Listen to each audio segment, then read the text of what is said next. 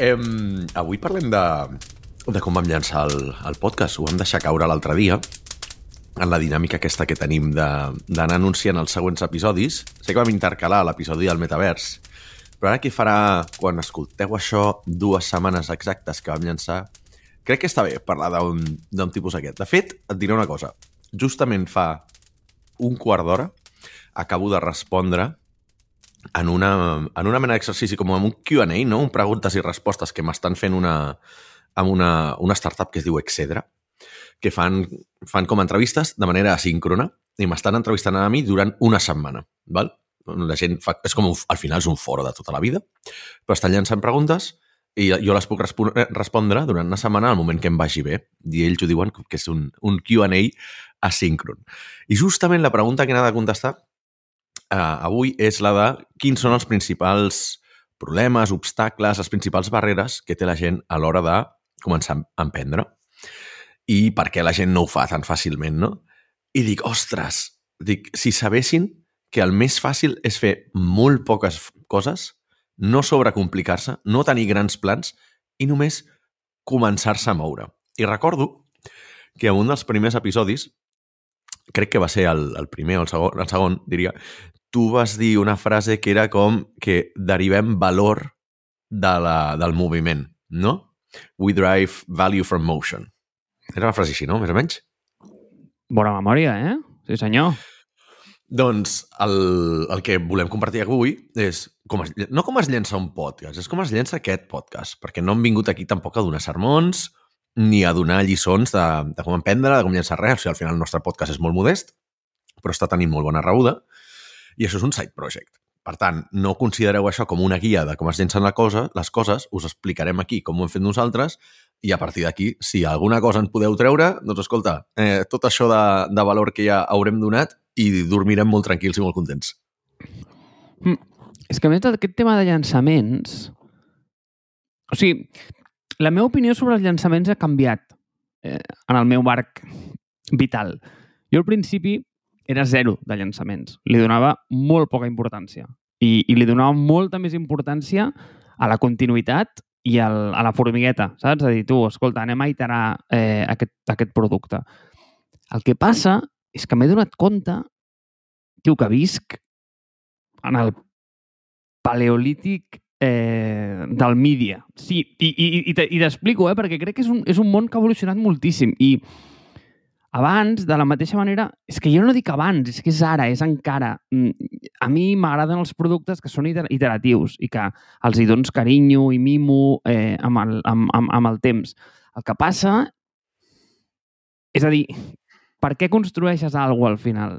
Home, doncs, per mi és un llegat, pràcticament. És com una herència personal, no? Vull dir, tu, escolta, què estàs deixant al món? En canvi, aquesta és una visió molt millennial del, dels productes, o molt, molt clàssica, han de dir-li clàssica, el millennial de metal, eh? Però bueno, ja m'entens, com molt antiga, ¿vale? En canvi, el que estic veient ara, o sigui, aquest concepte més Gen Z, és que estic molt a prop dels Gen Z, m'influeixen massa. Eh, tenen aquesta idea dels productes més líquids, saps? Més efímers, més... Eh, té, tu, ho llenço i, i a la següent cosa, saps? Eh, és a dir, joder, és que, Àlex, tio, és que estic aprenent unes coses del Gen Z, tio. L'altre dia vaig aprendre el concepte de, atenció, eh? és que igual tu estàs més a prop d'aquestes coses, eh? no ho sé, no ho sé, atenció, eh? atenció. Jo sempre dic que sóc un boomer en el cos d'un millennial, així que no crec. Hòstia, doncs mira, eh? Agafat fort, eh? Agafat fort. Perquè eh, anava en el context com de com es gestionen les relacions personals en parella, val? Llavors, clar, una persona va treure el tema de que ella estava en una relació on tenia un compromís sentimental. I jo, sisplau, refreseja'm això, per favor. I és que no, o sigui, ara el default de les relacions són obertes. Llavors, tu el que tens és... Tu tens un compromís sentimental amb aquella persona, però no tens un compromís, eh, anem a dir, mm, sexual o eh, de, de relació. I llavors, clar, jo, jo, jo, estava, estava, acollonit, no? I li, I li preguntava, no? I deia, tio, però, però d'això en parleu després. O sigui, és una cosa que es sí, sí, sí, sí, això es parla després i es comenta i sí, jo aquesta nit amb aquella, amb l'altra, tal, no sé què. I em diu, és més, és més, és més. Diu, inclús a vegades, a, em diu que s'anima i, i, tio, i que vol muntar un tricicle, saps? I, és acollonant. O sigui, és que no en tenia res, tio. O sigui, clar, és que només perquè veig que estic molt fora, ¿vale? però dit, dit això, eh, com ens estem anant, eh? Hòstia, perdó, perdó, perdó, perdó, perdó, perdó, perdó. Eh, torno, torno. Eh, aquesta idea de, com de, dels productes efímers, eh, en el moment que són tan volàtils, la importància del llançament crec que és capital. Però capital. I per això dic que eh, el, el meu pensament s'ha anat movent cap a la importància del llançament. És a dir, en un producte en el qual tu el prens com un llegat i, el, i li vols donar una continuïtat, com per a mi és aquest podcast, i per això m'agraden tant els podcasts, que a mi, perquè eh, són unes coses que són molt iteratives i els blogs, no? perquè, escolta, les pots, eh, les pots anar movent amb el temps no? I, i poden anar evolucionant. Eh, el llançament igual no és tan important, però en un producte extremadament efímer, ostres, clar, vull dir, si el seu arc de vida mm, són 3 segons, eh, el segon 1 és ultracrític, no? Pues, eh, per això penso que és molt important el llançament. I fins aquí eh, la meva història de per què és important el llançament. Bienvenidos a mi charla de TED, no? Gràcies. doncs, no, no, al contrari, és superinteressant perquè és que és veritat, eh, hi ha, hi ha, hi ha dos, dos conceptes dels quals volia parlar. Un és el tema del llançament i l'altre és el tema de la, de la preparació, perquè, com ja hem comentat, eh, vam dedicar un episodi al tema dels side projects, això al final és un side project. Per tant, si un busca... O sigui, s'ha de tenir molt clar, crec que el primer concepte que volia destacar és que s'ha de tenir molt clar quina tipologia de projecte és i quan li podràs dedicar, no? Quant em té final. Per què?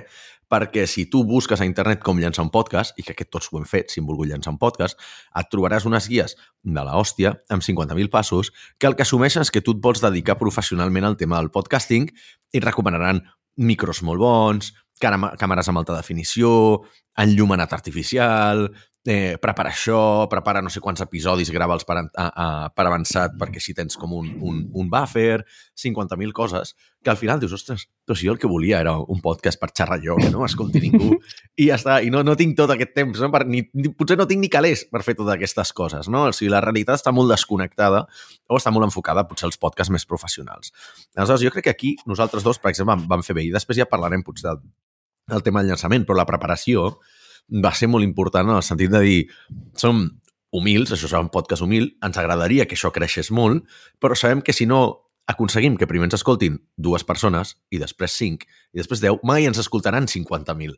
Per tant, no anem a pensar en la grandiositat de que això serà un podcast eh, que algun dia, saps? No, no, no, no, comencem o sigui, sembla una tonteria, eh? però jo crec que un, un, una de les millors maneres d'avançar amb els projectes és anar-se marcant fites molt assolibles molt fàcils, molt fàcils d'arribar-hi, perquè així el fet d'assolir-les et dona una certa motivació, et, certa, et dona unes dinàmiques i el que parlàvem de la millora contínua, no?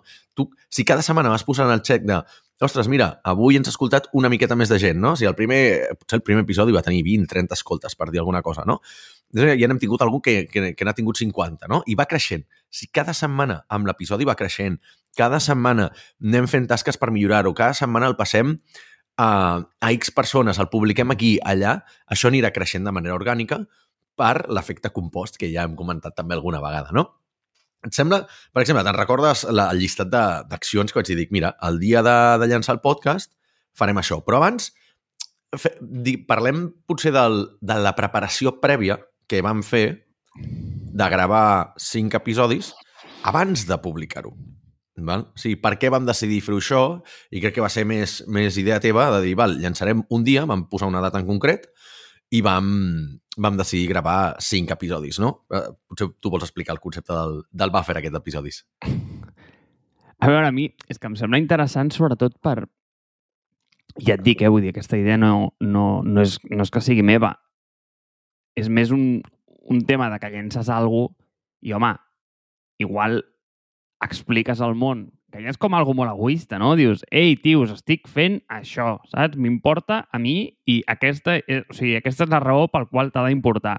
Llavors, home, a sobre que estàs demanant alguna en algú, perquè això és molt important, jo crec que sempre has d'entendre que quan llences alguna cosa ho has de fer des d'un punt de vista molt humil, no? Perquè al final estàs demanant alguna cosa a algú altre. Òbviament que vols aportar valor, però és valor que tu penses que té. Per nosaltres, clar, això és l'hòstia, perquè és el nostre, però mirat des de fora igual et diuen, tio, sí, who cares, no? Sigui, tio, qui cony li importa això? Eh, llavors, d'alguna manera, si vols transmetre aquest valor des de la humilitat, has de dir, ei, mira, doncs, escolta, llança't això, igual t'interessa i que sàpigues que, ei, aquí tens, no? Vull dir, té, mm, te n'he fet uns quants perquè els escoltis a veure què et sembla. Perquè si no, d'alguna manera, si entres i només dius ei, que he muntat un podcast, vale, perfecte, molt bé, aquí està la landing page, no hi ha res. Eh, vine la setmana que ve que igual n'hi ha un, saps? O, o, o només n'hi ha un.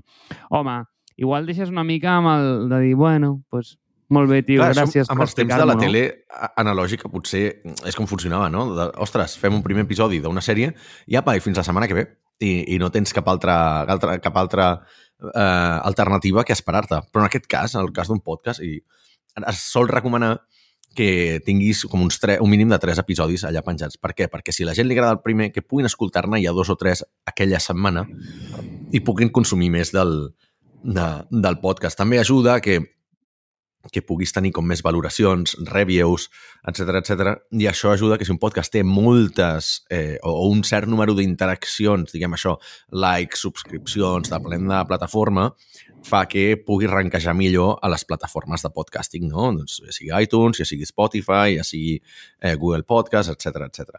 Per tant, va ser bona idea i, de fet, clar, tenia més sentit inclús en, el, en, a, en aquest podcast perquè el primer episodi explicàvem què és foc a terra. Aleshores, clar, si imagina que fem un episodi que durava 20 minuts on diem això és foc a terra, dius, i ja està. I només hi ha aquest episodi i la gent diria eh, molt meta, no? Però vull dir, què significa tot això? Val? Eh, dona'm un o dos episodis més perquè pugui veure de què va. I, evidentment, el podcast anirà evolucionant. Però crec que és molt bona idea aquesta de preparar-se els, nosaltres vam fer cinc episodis, però que el primer expliquis de què va. Perquè jo és una cosa que no havia fet mai en, en temes de podcast i em va semblar molt bona idea, no? Com marcar les directrius i donar com una certa il·lusió a la, a la gent. I això, crec, això ho devies treure de Safareig. Això ho, ho va fer a, a Safareig i recordo que ho va fer molt bé. I de fet, abans de Safareig, jo tenia un altre podcast que es deia Radio Lanza, que el fèiem un... I crec que és amic comú, el Jimmy? Sí, no? El coneixes, no? Sí, tant i tant que el coneixes. Eh, I vam fer exactament el mateix. Així que no ho sé. No sé exactament d'on vaig treure la idea, però igual m'ho va dir ell. No ho sé, potser sí. I després vam fer una llista de, de les accions que faríem el primer dia. Perquè un altre concepte interessant, i aquí entrem amb el, el bloc de el dia del llançament eh, si bé el, el podcast, com dius tu, és una cosa com molt, molt fluida, molt líquida, cada setmana té alguna novetat, té un episodi nou, segurament està en una disponible en una plataforma nova, tindrem algun disseny nou, farem algun tipus de promoció especial.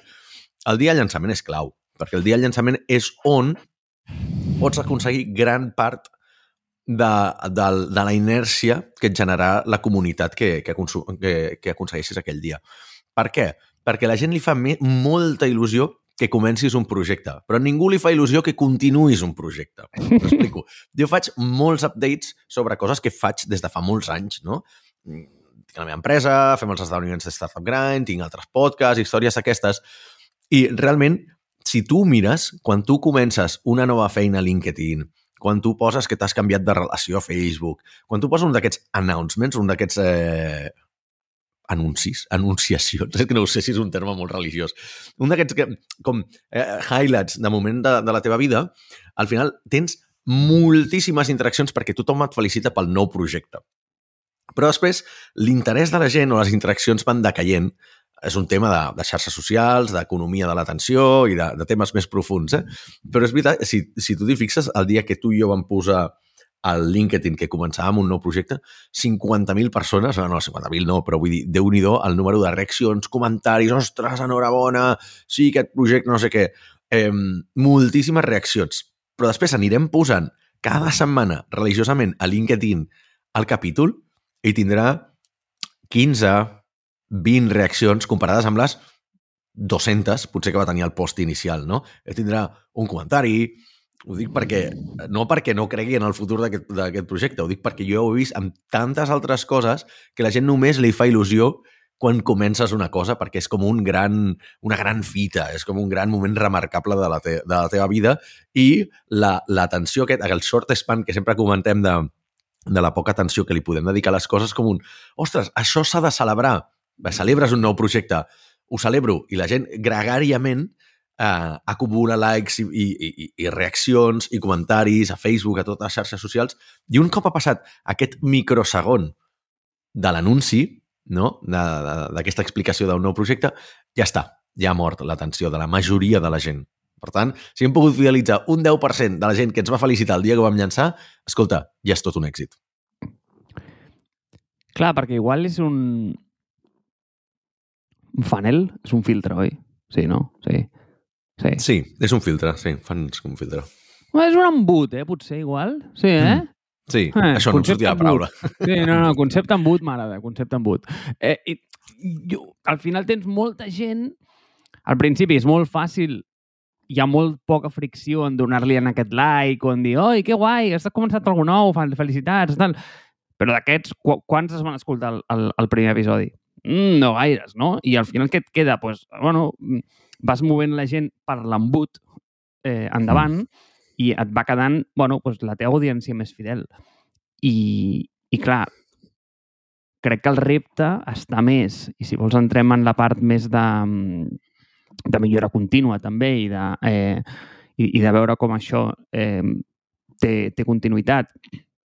És a dir, quanta d'aquesta gent li explica a la seva parella, al seu amic o al seu familiar hòstia, estic escoltant un podcast que és la hòstia. Tio, l'hauries d'escoltar. Al final és aquest refer el que estás buscant, no? Perquè, a veure, i ho has de tenir clar, al final no tens un budget de màrqueting gegant, ni tens un, un de fet, no en tenim, Marc, vull dir, no n'he fet, no, no, no hem parlat. No en tenim, no en tenim, no en tenim, no en tenim. Ni gegant ni no gegant, de moment no en tenim. Però tampoc tens un, tens un producte que eminentment pot explotar, eh, perquè d'entrada està capat pel, pel fet de ser català. Mm, no té un, un comportament addictiu. És dir, home, crec que la gent que escolta podcast eh, bueno, és gent que té atenció, no? Eh, que té una attention span llarg, que escolta eh, i per definició mm, ostres, estàs, estàs fent molt petit el, eh, la, la, la teva mostra d'audiència. Llavors, es fa complicat. Per tant, amb què has de confiar? Aquí has de confiar 100% en la qualitat. I la qualitat com es transmet? Pues, bueno, pues amb el boca-orella. Eh, perquè, per exemple, ja et diré una, una de les coses que, que pots fer també és dir, escolta, doncs, agafes un, un petit un mitjà petit de premsa que, que ho publiqui el mateix dia que tu, una cosa semblant. Llavors, això al principi et dona com aquesta guspira, t'ha agradat, eh?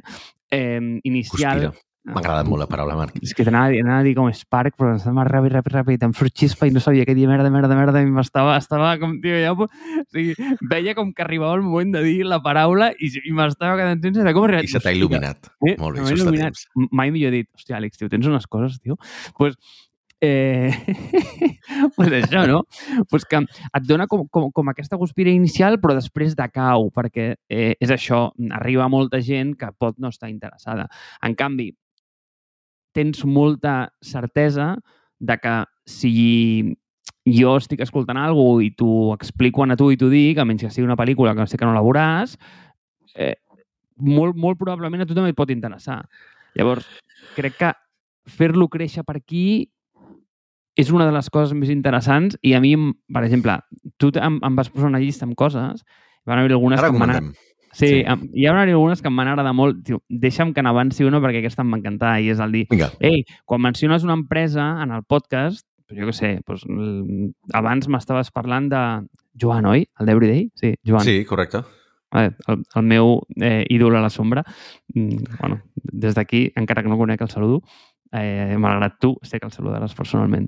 Llavors, és això, no? Diu, escolta, les menciones i, clar, aquesta gent tio, pues, si li dius que l'has mencionat, igual se l'escolta i igual el comparteix després, saps? I diu, ei, què tal ens menciona? I llavors vas... Doncs aquesta capilaritat, que crec que és exactament el que necessita un producte d'aquest tipus, eh, tan asíncron i tan, eh, que requereix tanta atenció, saps? I de fet, mira, ja que has mencionat el tema de la llista, tra traiem-lo ja a col·lació vam fer, per donar una idea a la nostra audiència, vam fer, vam fer com un petit pla, no? amb quatre o cinc ítems, no molts més, per saber què és el que podíem fer o què és el que estàvem disposats a fer. I al final vam dir, a veure, això és un side project. No tindrem molt de temps per gestionar-ho.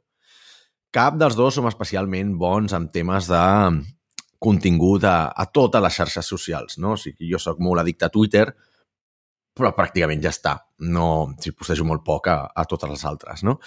Però vam dir, mira, al final, realísticament, només podrem publicar a una xarxa social, posa-li dos com a molt. I vam dir, doncs fem una cosa, ho anunciem a LinkedIn, i tenim LinkedIn com a referència perquè, tot i que no és un podcast exactament de feina, i no esperem que aquest podcast ens marqui el nostre futur laboral, és veritat que potser és interessant per una audiència una miqueta més interessada en la tecnologia que puguem tenir en els nostres cercles més immediats de LinkedIn, que malgrat tot tampoc la majoria no són, eh, no són catalanoparlants, perquè tant tu com jo ens desenvolupem en un, en un entorn molt internacional i no sé, jo tinc 10.000 connexions a LinkedIn i mm, probablement, no sé, potser 1.000, 2.000 són catalans, però la resta són de la resta del món, no?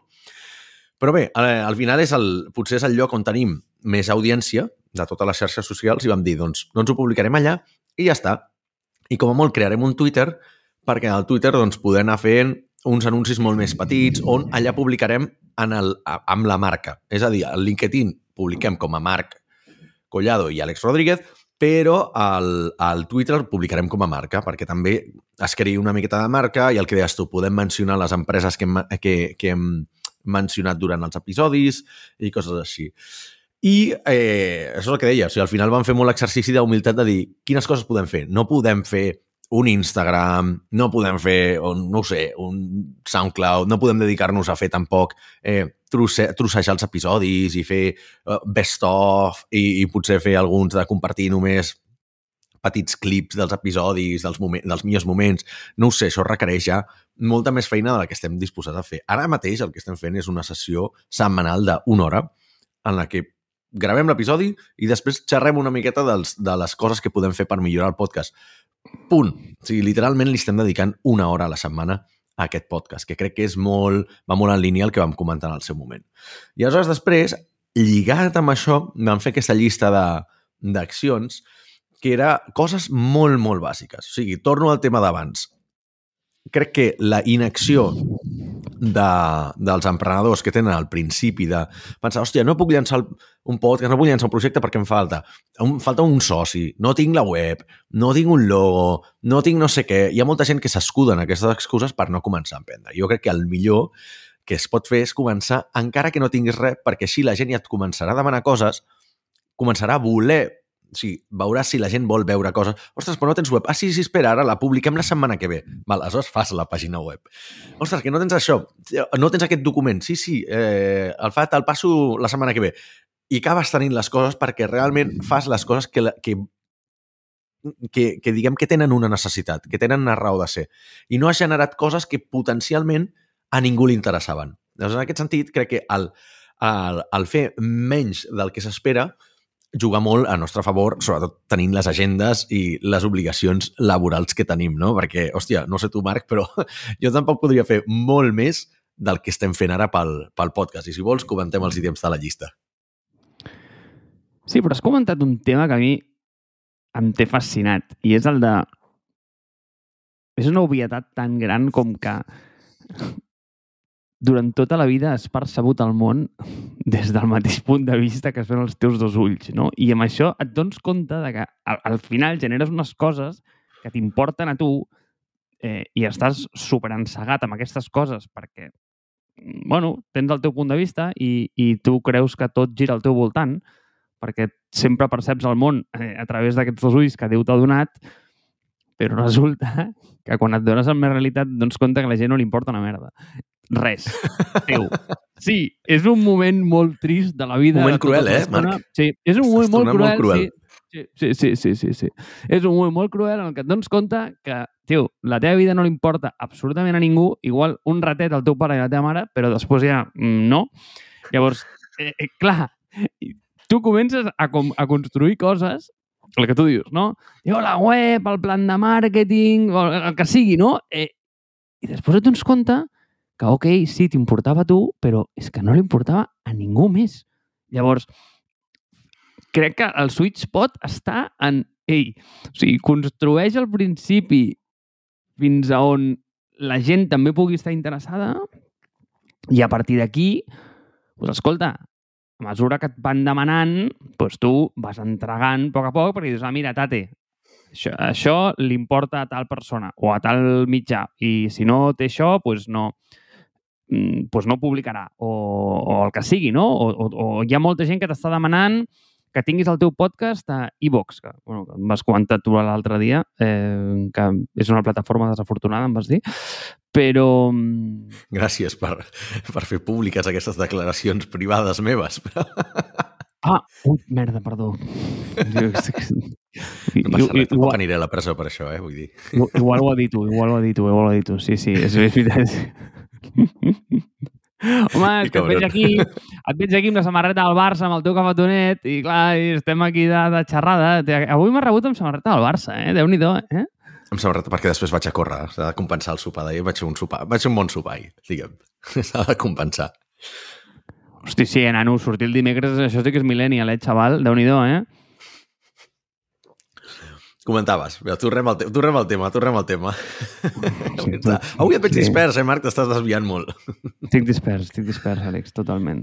pues, no, el que, el, que, el que et comentava, de que al final ves traient i ves iterant a mesura que també vas afegint valor, perquè al final dius, ostres, eh, començo amb algo que és el que jo vull i ho tinc com pristí, perfecte, amb una execució brillant i resulta que mm, has optimitzat per un vertical que no li importava a ningú.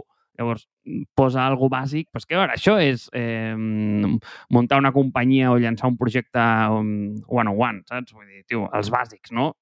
No, no, no sobre, no, no, no sobre, ingen... sobre enginyeria? Over-engineer? Estàs buscant over-engineering. Mm, Sí. Segurament és... No, no t'ho sabria dir. No, jo crec que no té traducció directa. És com sobrecomplicar-se. Sí, sobrecomplicar-se. És, és sobrecomplicar-se per algo que ningú t'ho ha demanat. En fi, sí, Mm. estic dispers, Àlex, tio. No, de fet, tret un tema que m'agrada molt. I jo comento molt quan faig les, les xerrades d'emprenedoria. Crec que dona per... Atenció, eh? Que potser estic ja passant a les bases d'un propi episodi, però crec que dona per un episodi a part, que és el tema de la validació de les idees de negoci dels projectes. Perquè un, un altre error principal que es té a l'hora de, de llançar projectes i productes i empreses i tot això és tu al final el que busques és tenir com unes certes mètriques, com un cert retorn, com uns certs números, no? I poder dir, mira, li ha interessat tanta gent, he fet tants likes a Facebook, eh, tants amics meus han visitat la web. Malament, malament. Les validacions mai s'han de fer amb amics i família, perquè això vol dir que t'estàs fent trampes al solitari a tu mateix. Estàs autoenganyant-te, perquè molt, molt probablement aquesta gent està interactuant amb el teu projecte, t'està visitant la pàgina web, t'està donant feedback i tot això, pel simple fet de que són amics o familiars teus i et coneixen, no perquè els interessi una merda el teu projecte. Potser sí, eh? hi haurà gent a qui li interessi, però realment és molt poca. O els interessar el primer dia, no l'acabaran d'entendre, o no els hi ve ni els hi va, i, i, i l'atenció, o sigui, després totes aquestes mètriques decauen en picat perquè no han continuat amb el projecte versus validar-ho amb clients reals o amb, amb, amb usuaris target reals, perquè aquests sí que llançaràs un episodi, els interessarà, llançaràs un altre episodi, els seguirà interessant i potser tindràs menys validació inicial, però la gràfica de creixement anirà cap amunt i cap a la dreta, no? I aleshores això... Crec que aquí eh, estem tocant ja un tema bastant, bastant, bastant calent. Però bueno, per tancar una miqueta l'episodi, no? Eh, al final què vam fer? El dia fa dues setmanes, tal dia com avui farà dues setmanes, doncs vam anunciar-ho, ens ho vam posar a LinkedIn cadascú dels dos, vam decidir que publicaríem doncs, un cop a la setmana a LinkedIn anunciant l'episodi i després faríem un reminder, em sembla que el dijous. Ho dic de memòria perquè no tinc la llista, no tinc la llista davant. Que ho passaríem a X persones i quatre coses més. En realitat no vam fer, no vam fer molt més. En realitat es tracta de fer molt poques coses, però operacions molt quirúrgiques. És a dir, ostres, jo sé que si ho passo a aquesta persona, que potser té molts influencers i li agrada, potser ho comparteix, o potser ho passo a aquest periodista, potser després ho posa en un recopil recopilatori de podcast en català. Què hem fet en podcasts anteriors que realísticament podríem replicar per aquest podcast, com el que deia, no? Hi ha una, una cosa que m'ha funcionat bé amb els anys és el, el tema de mencionar les empreses. Per exemple, això m'ha funcionat amb el blog de la meva empresa. Quan mencionàvem altres empreses, després a Twitter publiquem l'episodi i diem per cert, en aquest episodi eh, mencionem a les empreses tal, tal, tal, tal, i les menciones, hi ha empreses que després igual, eh, potser només et faran un like, però pel simple fet de fer-te un like ja apareixes al, al timeline de la gent que la segueix.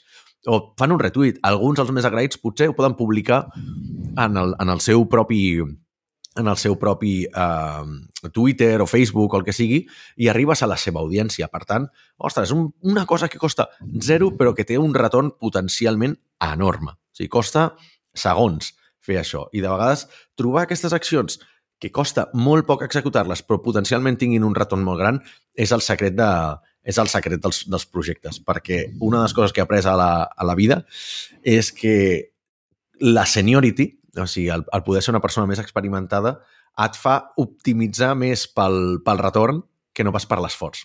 Quan comences la teva carrera professional, t'enganyen amb la idea de que has de treballar molt, has de treballar fort, has de fer veure que treballes, has de donar impressió, has de, com sempre, estar ocupat, però no et preocupes del, de l'output, del que generes, no? I a mesura que et vas fent més gran, dius, sí, home, si l'important és és l'output. O sigui, L'important és l'objectiu, el, el, el, el resultat final d'això. Com hi arribes és completament irrellevant per la majoria de gent.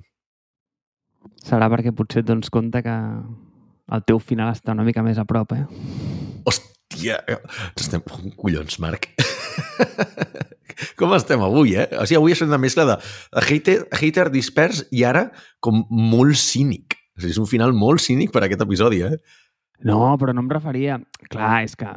Déu meu, Àlex, Déu meu. O sigui, no em referia que el teu, o sigui, el teu, el de l'Àlex, està més a prop, el del nostre, en general. Vull dir que tens aquesta... T'aproximes a la feina d'aquesta manera perquè dius, bueno, xato, mm, ja no tinc temps que perdre, no? Vull dir, jo no estic aquí per, per calentar la cadira, saps? Vull dir que... Val, val, collons... que et referies a... Bueno, ja a partir dels 30 anys ja tot fa baixada, Marc. Saps? No, jo estic amb un all-time high, eh? Sí, sí. Estàs, estàs en, en, en, en el zènit, en el pic de la teva existència, ara mateix? No sé com es diu això, eh? No sé com es diu a la TH, eh? En, en, en català, el... Un punt àlgid, segurament. Un àlgid, sí, no sé si sí, del punt... Sí. M'ha agradat més, el teu... Més místic, una miqueta més al nirvana. Estàs en el nirvana de la teva vida, Marc. Això, això, en el nirvana. I mira, m'ha agradat i ho deixem així per, pel final que el que volem d'aquest podcast és de que estigui cap amunt i a la dreta.